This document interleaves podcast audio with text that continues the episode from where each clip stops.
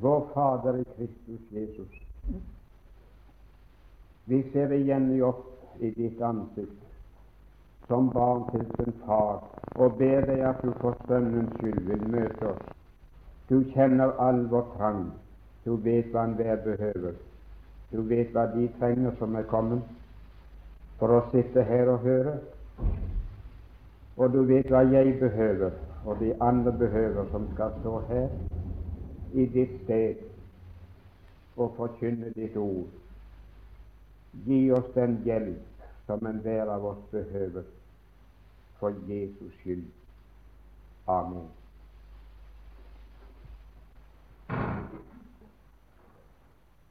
Ja, på en måte så er jeg jo takknemlig for å være med dere også denne gangen. Jeg har vært med så mange ganger før, helt fra første kurs i 1920 så det ligger mange minner bak.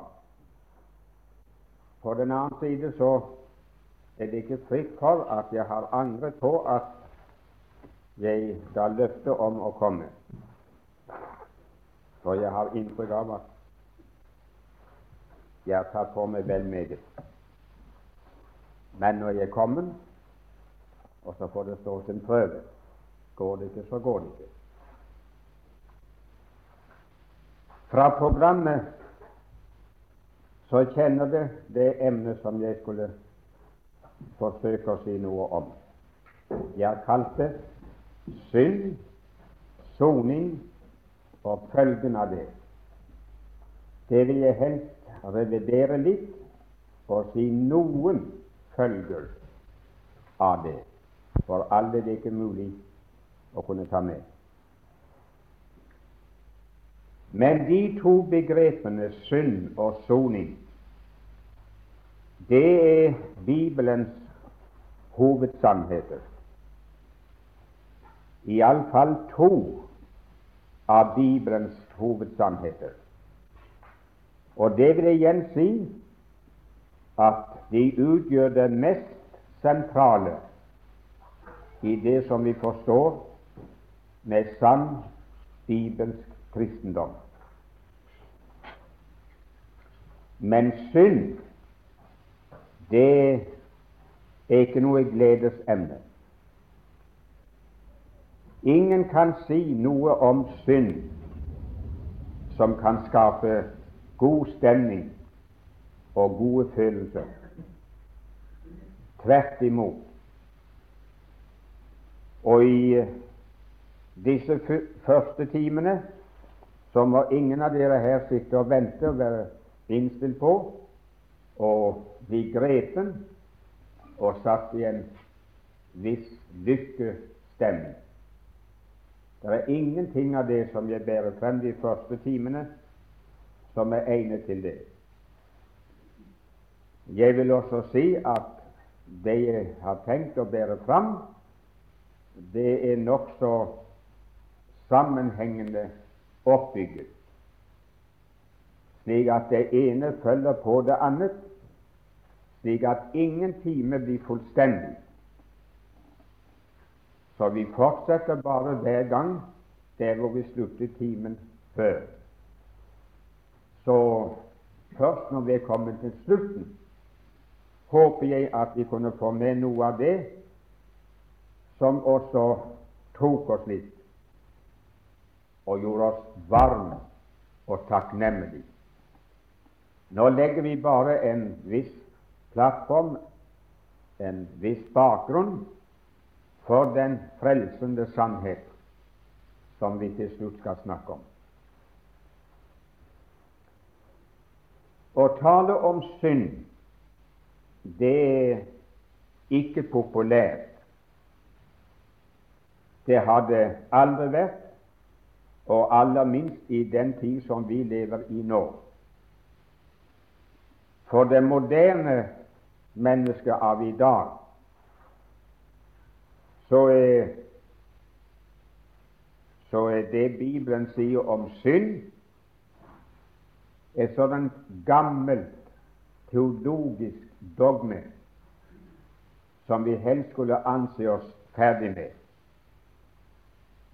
I skole og hjem så skal det helst snakkes minst mulig om synd. For uh, det å snakke om synd, det skaper skyldfølelse. Og skyldfølelsen, den skaper igjen det de kaller for komplekser. Og det er en forferdelig ting. Det skaper angst, frykt og redsel for Gud, for døden og for evigheten. Og en slik redsel, en slik angst, den fører også med seg det som man kaller for hemninger, noe som holder et menneske igjen, så de ikke kan og ikke tør leve fritt.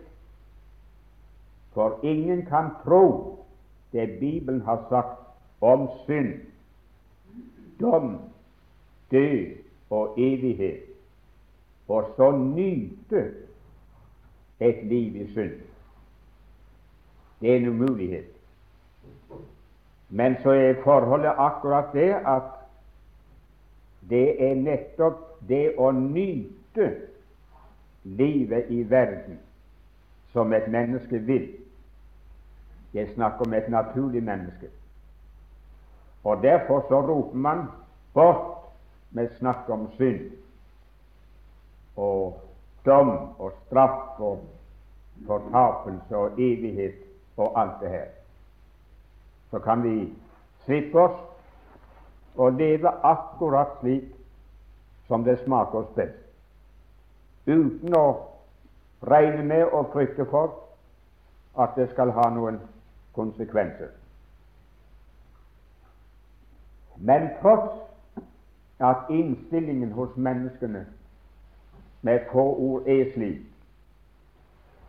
så har vi Guds direkte ord for at nettopp sannheten om synd skal forkynnes. Jeg vil bare minne dere om et eneste sted. Dere kan notere det om dere ønsker det. Og det er Sajas 58. Og det lyder ganske enkelt så Rop av strupen, spar ikke. Oppløft din røst som en basun, og forkynn mitt folk dets overtredelse, og Jakobs hus dets synder. Så når vi nå altså tar for oss sannheten om synd, så står vi på Guds ords grunn. Og Derfor har jeg all frimodighet til å snakke om det. Men nå kom jeg ikke til å snakke om synd med tanke på at dere som sitter og hører meg, er ufrelste mennesker, at dere er syndere i den forstand at de ikke hører Gud til. Hvis det var en sådan forsamling jeg hadde, så måtte jeg legge det helt om og fremstille sannheten på en ganske annen måte. Men når jeg snakker om synd, ut fra et slikt synspunkt at dere kunne få et dypere og klarere syn på, eller et klarere begrep om selve frelsen fra synd som Gud har gitt oss. Og for dere som vil notere noe av det som blir sagt, og ha litt orden i det, så kan det settes som punkt 1 under romertallet 1, det ene ordet synd. Og så skal vi først se at synd, det er en kjensgjerning.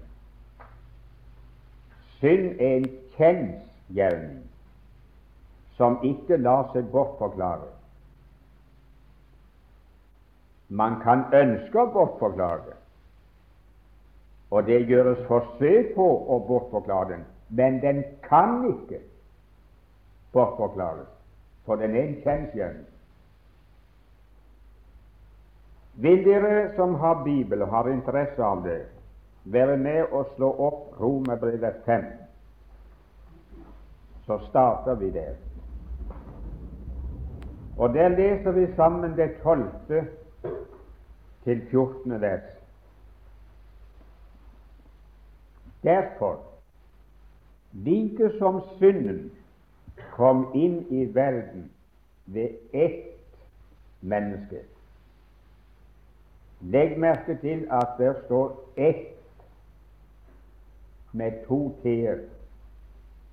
Ikke ved et menneske, men ved ett, ett eneste menneske, kom synden inn. Og døden således trengte igjennom til alle mennesker, fordi de syndet alle. For vel var det synd i verden før loven, men synden tilregnes ikke der hvor der ingen lov er. Men allikevel hersket døden fra Adam til Moses, også over dem som ikke hadde syndet, i likhet med Adams overtredelse, han som er et forbilde på han som skulle komme. Når alt som er sagt i de vers, kan vi ikke komme inn på. Men for det første skal vi legge merke til at det her er sagt på hvilken måte synden kom inn i verden. Den kom inn, som jeg betonte i sted, ved ett menneske. Og Bibelen sier at det ene mennesket, det var den første Adam. Eller jeg burde heller kanskje ha sagt det mennesket var en Adam.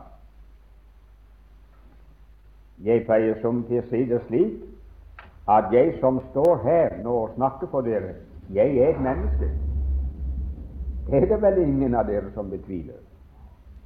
Men jeg er ingen Adam. Det fins foreldre som har kalt en av sønnene sine for Adam. Men man må nesten si 'Herre, forlat dem', for de vet ikke hva de gjør. De kan kalle en gutt for Adam, men han er det ikke. Og han kan ikke være det. For en Adam, det er i Skriften en person i hvem andre mennesker er til for Gud. Når jeg står her, så står her bare én mann. Og når Gud ser på meg her, så ser han ikke flere. Det er bare én. Men var jeg en Adam, så så Gud en hel slekt i meg som jeg representerte overfor ham. Jeg tror det er nok bare å si det. Og når det ene mennesket, stamfaderen, slektsopphavet, syndet og falt, så sier Bibelen at de syndet alle. Hans synd blir alle synd. Og det først og fremst med hensyn til naturen til sitt vesen. De ble nøyaktig som han. Der står det Der står det i i første Korintiabrevet 15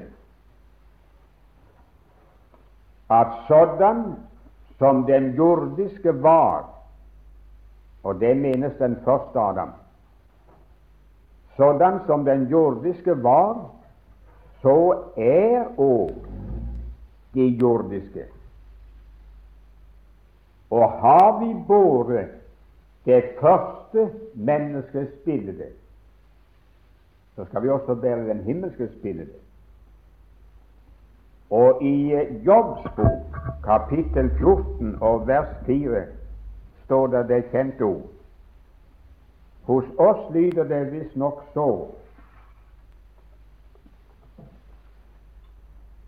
Ja, kunne det bare komme en ren av en uren?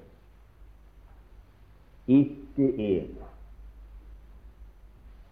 Kunne det bare komme en ren av en uren? Ikke en.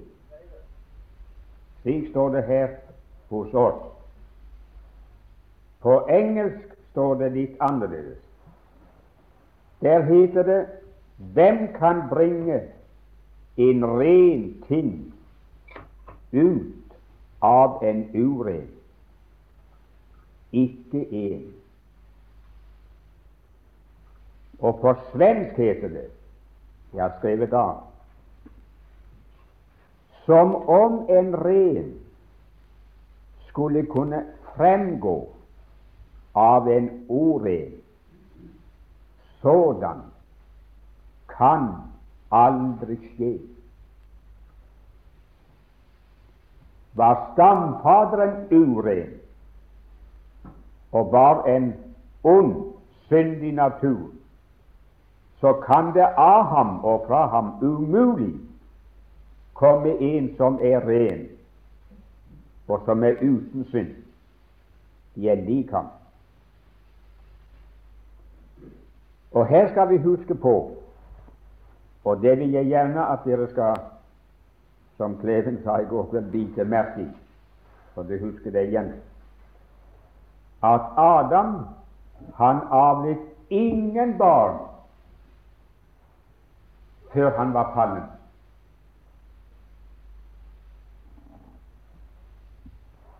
Og det vil si at hver eneste en av Adams slekt er født av et urenfallent menneske og er født utenfor samfunnet med Herren. Og derfor kan, kan alle, eller enda rettere sagt, derfor må alle si som David sa i Salme 51, jeg tror det er vers 7.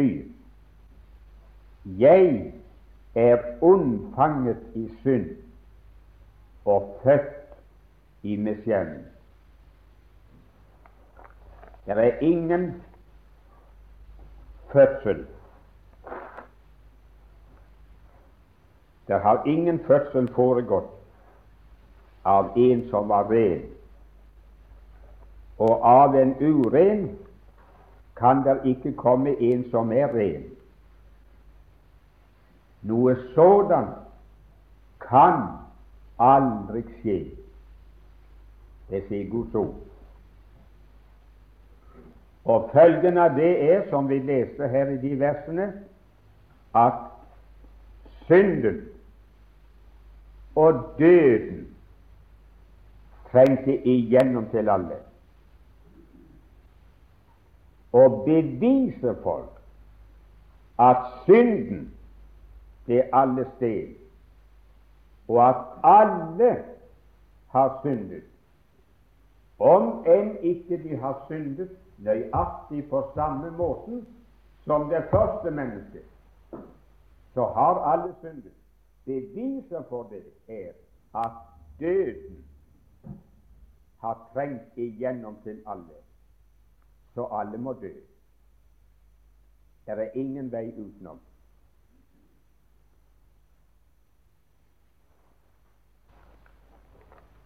Og det er sant i mer enn én retning. Det er sant rent, rent fysisk at den legemlige død kom inn ved synden og har trengt det igjennom til alle mennesker.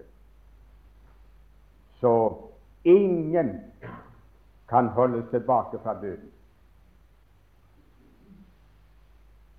Det behøver vi ikke spandere ord på. Men det er enda mer sant i åndelig henseende. Og det betyr døden atskillelse fra Gud. For Jesajas, Jesajas 52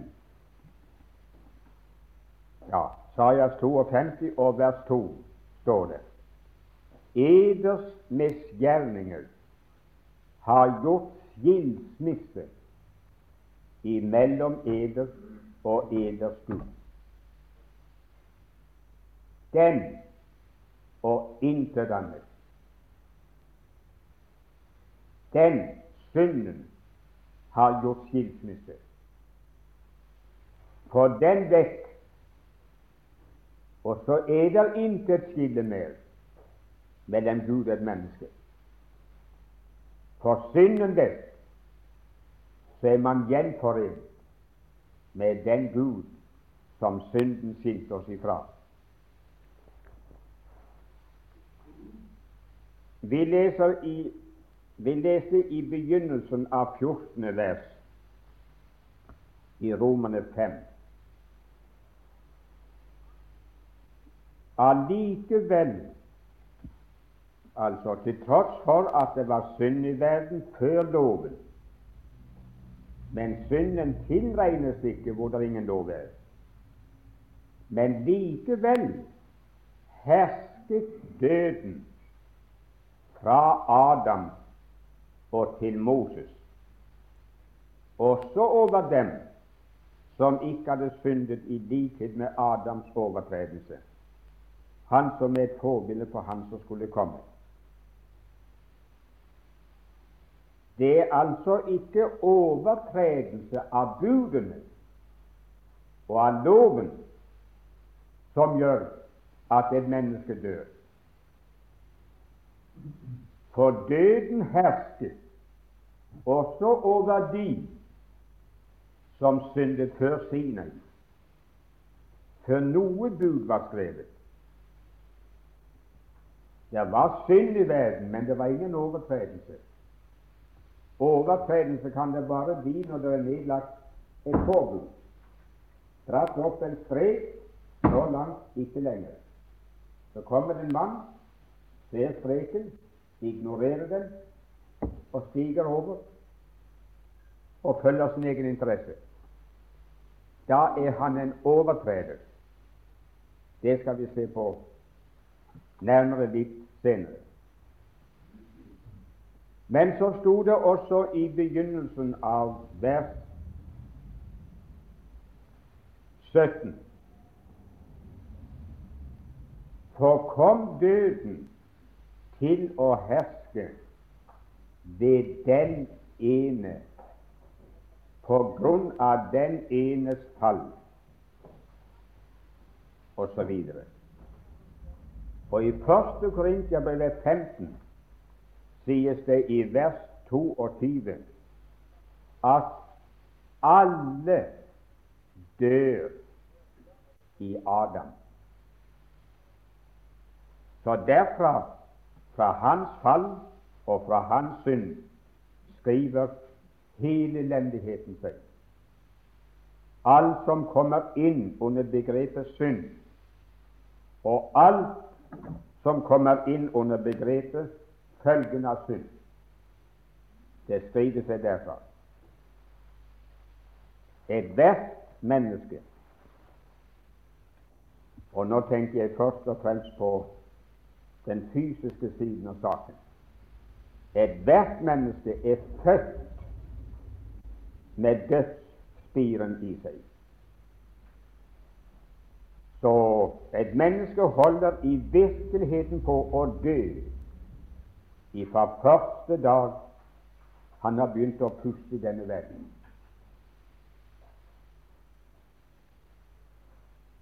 Det er bare prosessen, utviklingen av dem, som er forskjellig for de forskjellige. For noens vedkommende så knekker de sammen straks. For andre går det et langt liv, og så er det slutt. Men vi er født inn i verden med den spiren i oss. Og Skriften sier det skal vi også se nærmere på senere i en annen forbindelse. Så jeg tar ikke med selve Bibelens stedet her. Men Bibelen sier uttrykkelig at livet, det er i blodet.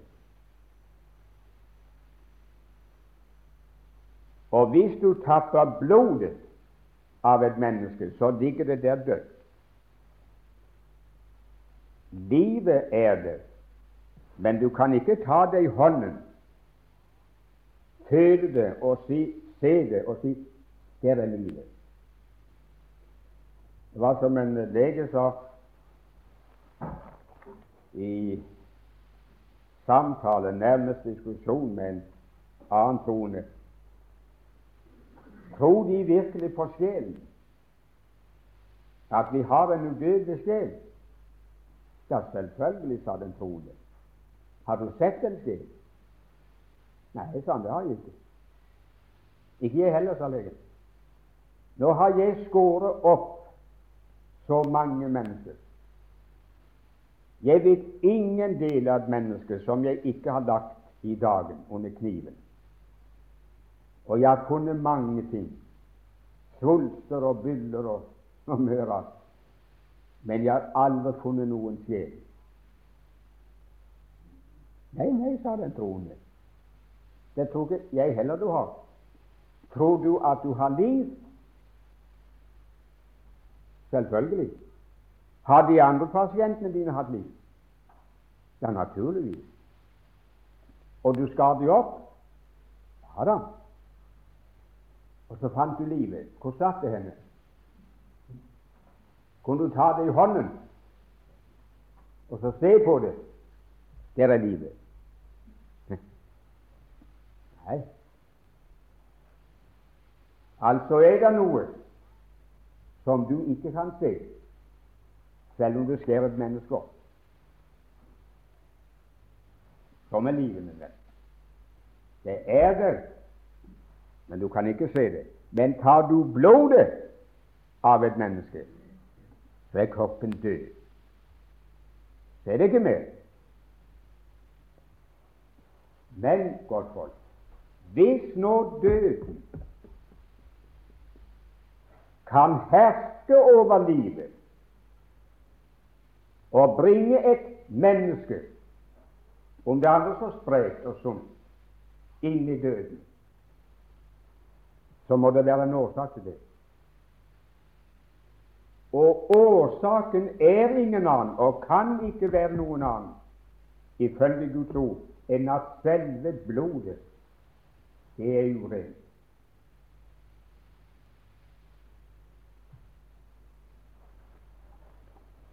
Det er ingen annen forklaring. Vi leser i Apostlenes gjerninger 17 og 26 at Gud lot menneskene av ett blod bo på jorden.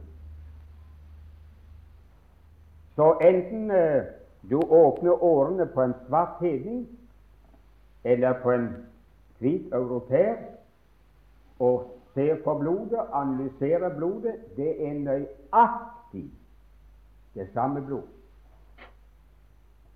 Og følgelig er samtlige Adams barn i denne verden lagt inn under døden. Hedningen må dø, indianeren må dø, og nordmannen må dø. Det er bare ett menneske som har lukket sine øyne i døden, uten at døden kunne herske over ham. For det at døden hersker over et menneske, er ikke bare det at pusten stopper en dag. For livet er et bedud. Det går litt lenger enn det. Vi skal lese i Salme 16 og vers 10.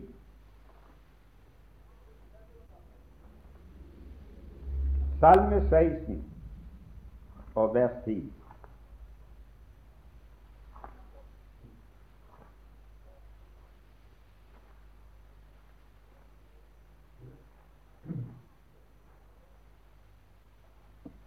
For du skal ikke overlate min sjel til dødsriket. Du skal ikke la din hellige se forråtnelse. Understrek det. Du skal ikke overlate min sjel til dødsriket. Og du skal ikke la din hellige se forråtnelse. Og så leser vi i Apostlenes gjerninger, det andre kapittel, og det 31. vers.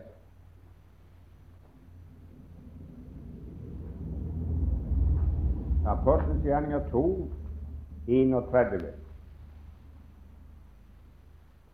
Så var det da om Messias' oppstandelse. Han fremsyntalte det ord at han, ble, at han ikke ble overlatt i dødsriket. Han kom i dødsriket, men han ble ikke overlatt til dødsriket. Og ei heller så hans kjøtt tilintetgjørelse. Leser det sammenhengen i begge tilfeller, så ser det selv klart at det er tale om Jesu Kristi død, hans begravelse, og at hans legeme ikke så forråtnelse. Døden hadde ikke noen makt over ham. Når han åndet ut i verden, så er det gitt én forklaring. Han satte selv livet til. Ingen tar livet fra meg, men jeg setter det til av meg selv. Noen preker om Kristi lidelse og død på en slik måte at man Jeg blir nesten syk av å høre det. Jeg får inntrykk av at, at de tenker seg Jesus ble så utmattet av alle lidelser, av kampen i Getsemane, på Gabbata og Golgata at nå til slutt greide han ikke mer. Han åndet ut simpelthen av utmattelse. Slik kan de fremstille sannheten Nei, ikke sannheten, nei da. Men slik kan vi fremstille historien om hans død så gripende at folk endog sitter og gråter og tror de har hørt evangeliet. Og så er det simpelthen løgn. Nei, sannheten, venner, var de forsøkte gang på gang å ta hans liv, men de kunne ikke ta det, for hans time var ikke kommet. Og når hans time var kommet, det sa han selv, så forsøkte de å gi ham livet enda noen døgn. Men det gikk ikke. Du vet før, hver gang de skulle gripe ham og, og slå ham i hjel, størte ham ut på fjellet eller på annet vis, så står det at de fikk han ikke, for hans time var ikke kommet. Han vek unna. I påsken, før påsken, så hadde jeg avtalt med Judas han som var en djevel, at han skulle forråde ham. Jo da, det var greit. Men når det var i orden, og det, det var underskrevet. Så, så sa det høye og til ham. Men Judas, det er greit det at du vil, eh, du vil forråde ham til oss, men du må ikke foreta det noe på høytiden. For nå er folk fra hele landet samlet i Jerusalem, og han har tilhengere overalt. Så hvis vi skulle legge hånd på ham nå i påskehøytiden, så kunne det bli oppstyr blant folket. Så ikke gjør noe ved dette her. Ha det hemmelig for deg selv til over påsken. Så kan det ta. Ja, de er reist hjem. Vel, det gikk Judas med på, og den hemmeligheten bar han på. Men da Jesus visste at hans time var kommet, så sa han nå må du gjøre i stand til påskelammet og til nattverden. Jaha, så satt de sammen på salen ved bordet. Så var de kommet midt, godt og vel midt i påskemåltidet. Så tok Jesus et stykke av kjøttet og døpte i oljesausen. Og så sa han det er en av dere som skal forråde meg, og det er han hvem jeg gir dette stykket. Og så fikk han det. Og så sa Jesus, Judas, det du gjør, gjør det snart. Og straks reiste Judas seg og gikk ut, og det var mørkt. Han har aldri tenkt å og gått ifra det måltidet på det øyeblikket. Han hadde tenkt å lystre det høye råd, men nå tok himmelen kommando. Nå bestemte han selv over sitt liv. Det du gjør, gjør det snart. Og omgående gikk han til prestene. Og så bar det ut i Getsemen, og der tok de ham. Og de som hadde bestemt at han skulle få leve til over påsken, de fikk se ham henge på et kors på beredelsesdagen.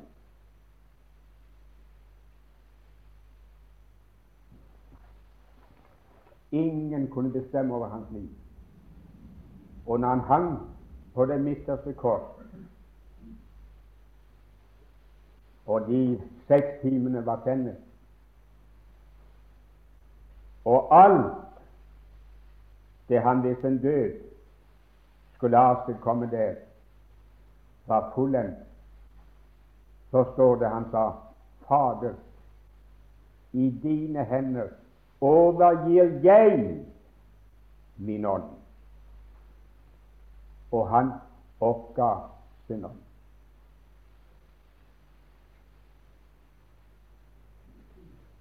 Augustin han sier det jeg syns det er fint.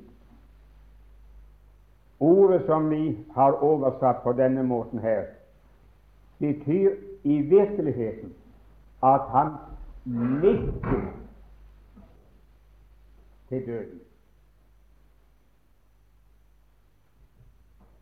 og ba ham velkommen. Død, kom nå. Sånn er det i orden.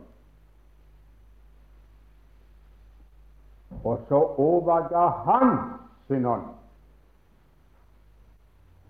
Venner, når det gjelder din og min bortgang fra denne verden, så får vi vente til Gud griper inn og tar vår ånd. kan ikke vi gjøre.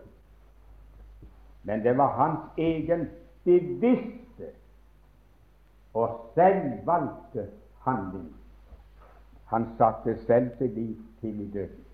Og det husker Ja, men for det med så skal vi straks slutte. Å ja, jeg har jo noen minutter å gå på. Jeg husker at at uh, når jeg led mot kvelden henimot klokken seks den såkalte langfredag. Det var ikke, det var ikke fredag, men uh, blitt gjengs å kalle det langfredag. Men da det led mot klokken seks den dagen i uken,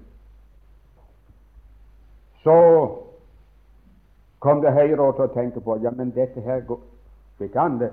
Det, det, det blir strid med Moselov. Vi gjør oss selv urene hvis vi lar han henge der på fra korset til, til eh, påsken begynner. Så vi må se å få han og de andre i graven før klokken er seks. Så sendte vi ut noen statesmen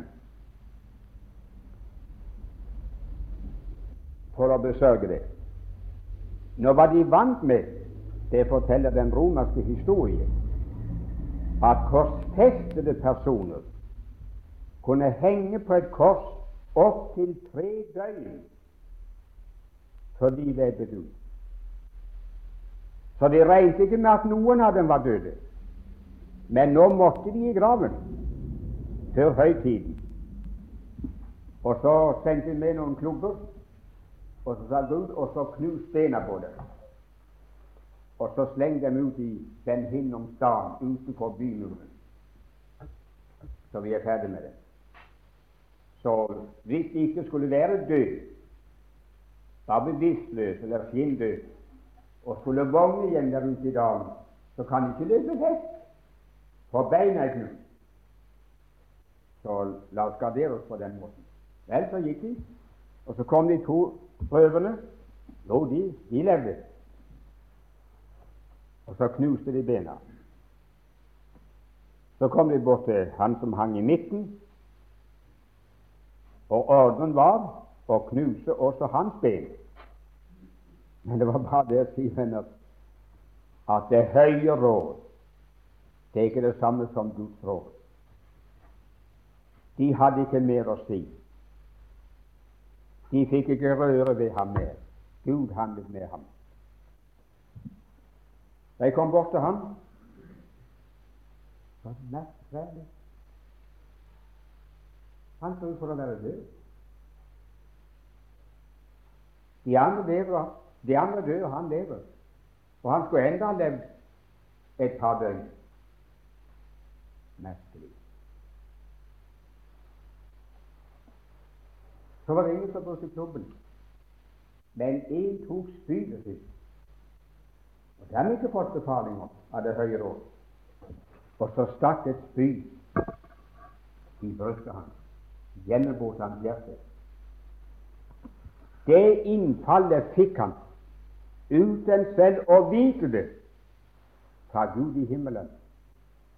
For at det ord skulle oppfylles som var talt om ham de skal se hen til ham som de har gjennomstunget. Og for at det ord skal oppfylles i 2. Mosebok 12, som er sagt om påskelammet intet ben skal knuses på ham.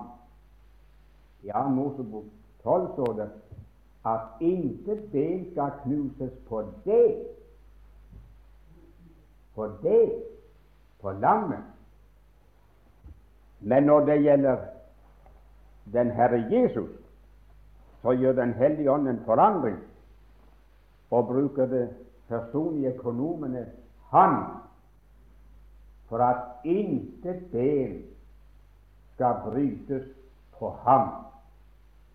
For Gud visste at det som skjedde og ble bestemt med påskelammet, det var bare en skygge av det som skulle finne sted med vårt påskelam på Golgata.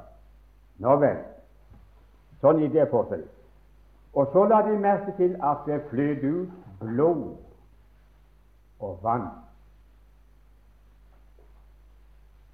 Og Så kom Josef fra Mathea og fikk lagt ham i sin grav.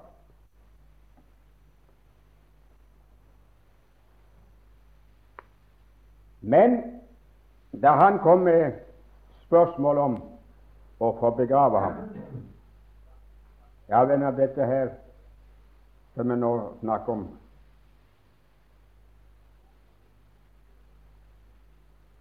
Det sier ikke så meget for deres skyld som sitter her,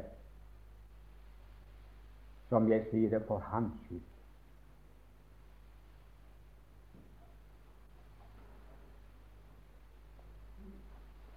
Dere hører på meg, og det er ålreit, men det er ingen som hører slik på meg som han selv og hans far som ga meg ham. Da Josef kom og spurte om tillatelse til å få besørge begravelsen, så sier høvdingen ja, det er bra nok, men, men vi er ikke sikre på han er død. Jo, han er død. Så står det han undret seg over at han allerede skulle være død.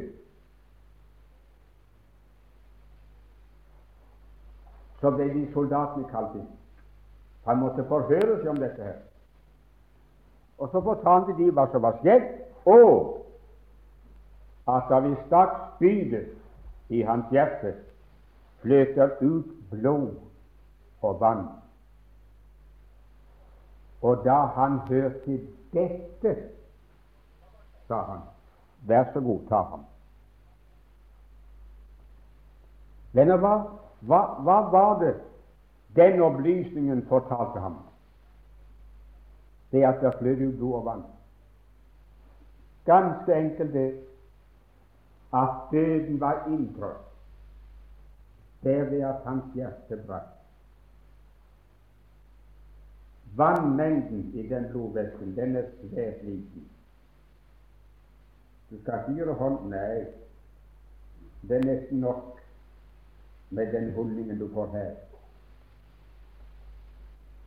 Men en kan konstateres når den skilles fra blodet. Men når vannet, den lille væsken, skilles fra blodet, så sier det bare, sier legene Jeg sitter en lege her, som de har fortalt meg, og jeg hadde det fra lege. Når hjertet brøyte. Så han satte sitt liv til av seg selv. På et tidspunkt som denne verden ikke hadde noe med. Og så ble han lagt i graven. Og det forsvares i en fjellgrav og forseglet med det romerske seil, så Gud nåde den som ville bryte det romerske seil.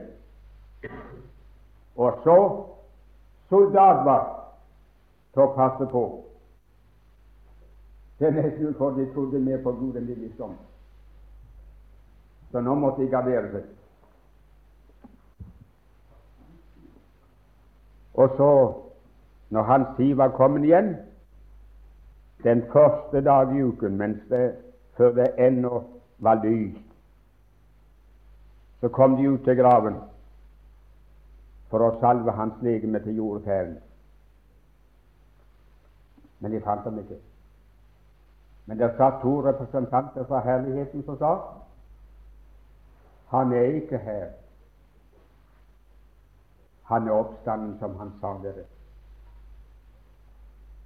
Men da var stenen Da var seilet brutt, og stenen veltet vekk, og enhver kunne se graven er tom. Han er ikke her. Gud reiste ham opp ved sin herlighet, og hans legeme så ikke forråtnelse. Det var like sunt, like frisk som de la ham i graven. Lasers han hadde lagt ca. tre-fire døgn i graven, og når de lukket den opp, så han stinker allerede. Det var ingen stank av Kristi legeme. For det legemet, det blodet, var rent. Det var ikke syndig blod. For vi leser i, i Hebreerne 10,5 at Gud laget ham et legeme. Han ble ikke unnfanget som alle de andre. Maria visste ikke om ham. Og likevel ble det til et legeme i hennes liv. Men det var laget av Gud. Om det hadde engelen sagt det, ikke den, ikke den, men det hellige som fødes av deg, skal kalles Guds sønn. Så han hadde ikke sitt blod ifra en far som alle de andre har. Og langt mindre det kunne han ikke ha ifra sin mor. Enhver har sitt blod ifra sin far. Tar du eksempel et, et ubefruktet hønseegg og får det kemisk analysert, så er det uten blod. Men på øyeblikk det er befruktet, takk, så er blodkimen. Gud laget et hellig, uskyldig, rent legeme i hennes liv. Og som sådan levde han i verden. Som sådan døde han. Som sådan ble han lagt i graven. Og døden kunne ikke seire over det livet. Det hadde ingen forbindelse med Adams syndige slekt. Så døden hersket ikke over ham.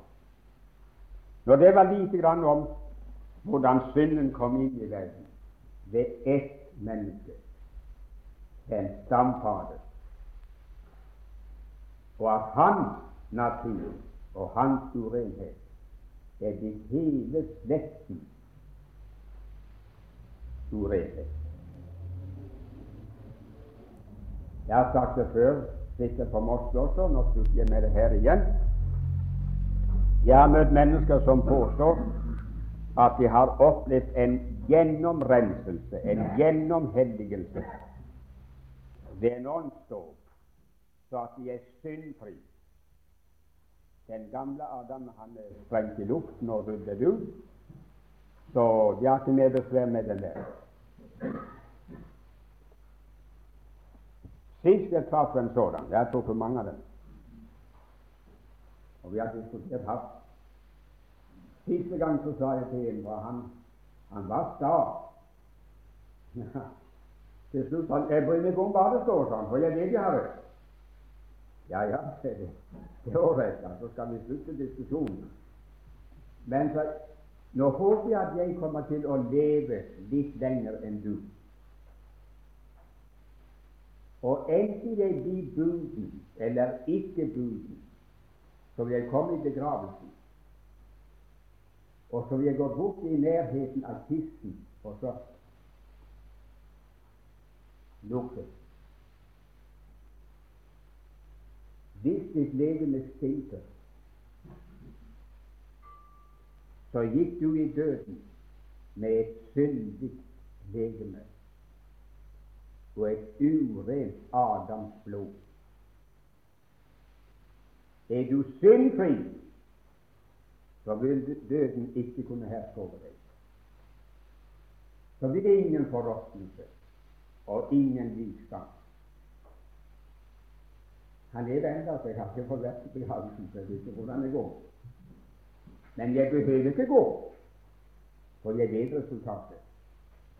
For han lot alle mennesker av ett blod bo på den ganske jorden, og han er ingen unntakelse. Så det vil gå samme vei. Det er bare én, min venn, som var ren, og som kunne bringe noe nytt inn i denne verden. Så stanser vi der. Fader i himmelen, nå har vi startet dette samværet. Ingen har vært mer oppmerksom i denne timen enn du selv har vært. Og jeg vet, kjære Herre, så vel jeg er med deg mer bevisst nå enn i årene før at jeg er ikke ferdig med denne timen.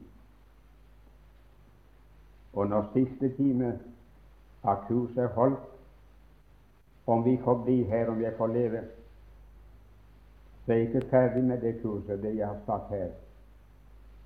Det kommer en dag da alt skal presenteres igjen foran Kristi domstol. Og da er det spørsmål om hva du mente om det. Ikke hva de andre sa, hva de andre syntes, men om det falt sammen med deg, med ditt ord, og behaget deg. Ta så vekk alt det, Herre, som på noen måte kunne vanære deg og være noen til skade.